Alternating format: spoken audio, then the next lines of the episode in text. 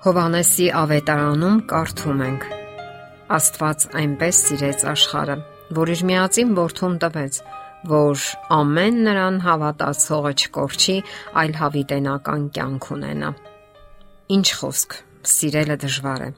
Այն պահանջում է ոչ միայն հույզեր, այլև գործողություն։ Ոչ միայն ջերմ զգացումներ, այլև ջանքեր, որpիսի ապացուցվեն այդ զգացումները։ Ահա թե ինչու այնքան քիչ են անկեղծ սիրողները եւ այնքան շատ են բարերի հետ ձեռնացություն անողները։ Սիրո մասին համարյա բոլորն են գրում, բոլորը բանաստեղծություններ են զոնում, խոսում են, իսկ ահա գործնականում այնքան քիչ է դրսևորվում այդ սերը։ Այդ սիրո լավագույն դրսևորումը մենք տեսնում ենք Քրիստոսի կյանքում, նրա ողջ գործողություններում, իսկ մինչ այդ մեզ վիրավորում են վիրավորում ենք մենք եւ այլևս ցանկություն ու տրամադրություն չկա սիրելու։ Մենք չկամություն եւ ատելություն ենք զգում, չենք ցանկանում որևէ հարաբերություն ունենալ մարդկանց ու աշխարհի հետ։ Պատճառները տարբեր են, սակայն ամենակարևորն այն է, որ մենք մեղավոր, անկատար մարդիկ ենք եւ չենք ցանկանում փոխվել, Աստծո օգնությամբ դառնալ սիրող անznավորություններ։ Եվ աշխարհում ավելանում է միայնությունն ու չհասկացվածությունը Ոչ մեկը չի հետաքրքրվում մյուսի կյանքով, թերևս միայն ընտանիքի ներսում, երբեմն դա էլ չկա։ Նշանավոր գրող Հայնրիխ Բյոլը հոգատարության կապանքներում գրքում գրում է. իսկ նա երբեմն չափազանց մեծ ցանկություն է ունենում նրանց որևէ մեկի հետ մարդավարի խոսելու, հարցուփորձ անելու կնոջ եւ երեխաների մասին, բնակարանի ու աշխատանքի, բայց ամեն ինչ սահմանափակվում է կարճ քաղաքավարի ժպիտներով ու ծխախոտով, որոնցով իրենք ժամանակ առ ժամանակ հյուրասիրում են միմյանց։ Նա շատ է ուզում իմանալ, թե ինչպես են նրանք ապրում, ինչի մասին են մտածում, ձանձրանում են արդյոք ծառայության մեջ, հոգնում են արդյոք եւ կամ ինչպես են ընդհանրապես նրանց նյարդերը դիմանում այդ ամենին։ Ինչու ենք մենք վիրավորվում։ Դուք հաճախ եք վիրավորվում, հուզվում եք, կամ էլ բարկանում։ Չեք կարողանում զսպել ձեզ եւ հետո զղջում եք։ Սակայն կարևոր է հիշել, որ ձեր ապրած բոլոր զգացումները, հատկապես խոր եւ ուժեղ, ձերն են եւ դուք լիակատար իրավունք ունեք դրանք զգալու, որովհետեւ ունեք դրա պատճառները։ Բայց քանի որ դրանք շատ ծանր, հզոր, նույնիսկ կործանարար զգացումներ են, լավ կլինի ազատագրվել դրանցից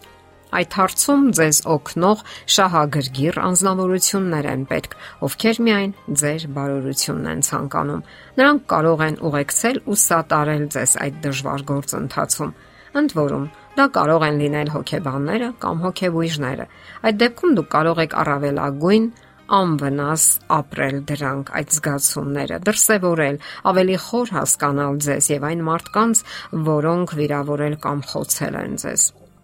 Հոգեբանները խորհուրդ են տալիս այսպես ասած parzabanել հարաբերությունները երևակայական երկխոսության ձևաչափով։ Այդպես դուք կհասկանաք, որ ձեր հանդեպ վերաբերմունքի մեջ հատկապես հարազատների դեպքում չար դիտավորություն չի եղել, այլ եղել է ընդհանրապես սեփական անօքնականություն եւ հոգեկան շեղում կամ ծռմռվածություն, որը նրանք չեն կարողացել հաղթահարել։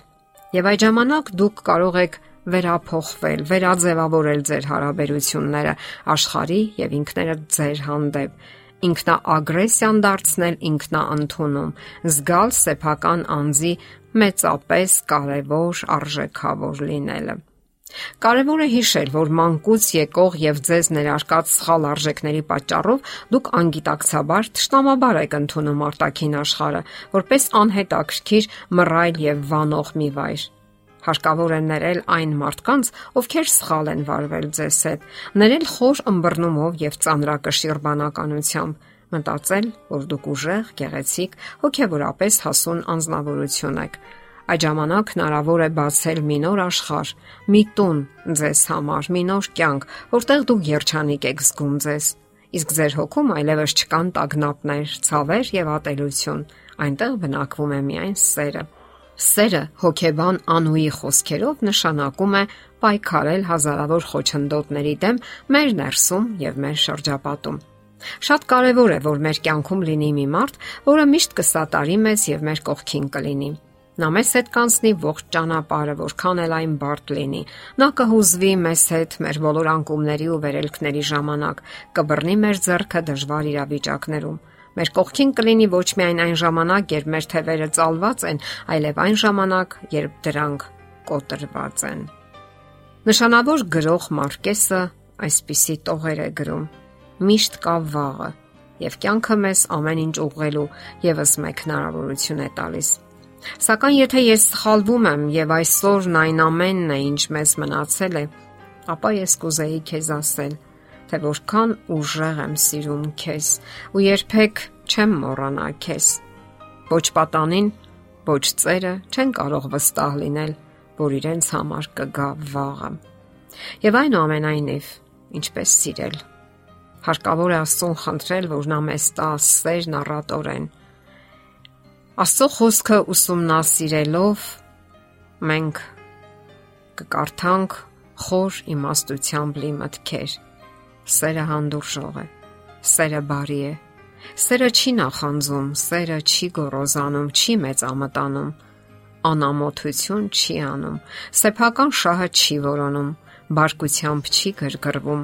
չար բան չի մտածում, անիրավության վրա չի ուրախանում, այլ ուրախանում է ճշմարտության հետ ամեն բան հանդուրժում է, ամեն բանի հավատում է,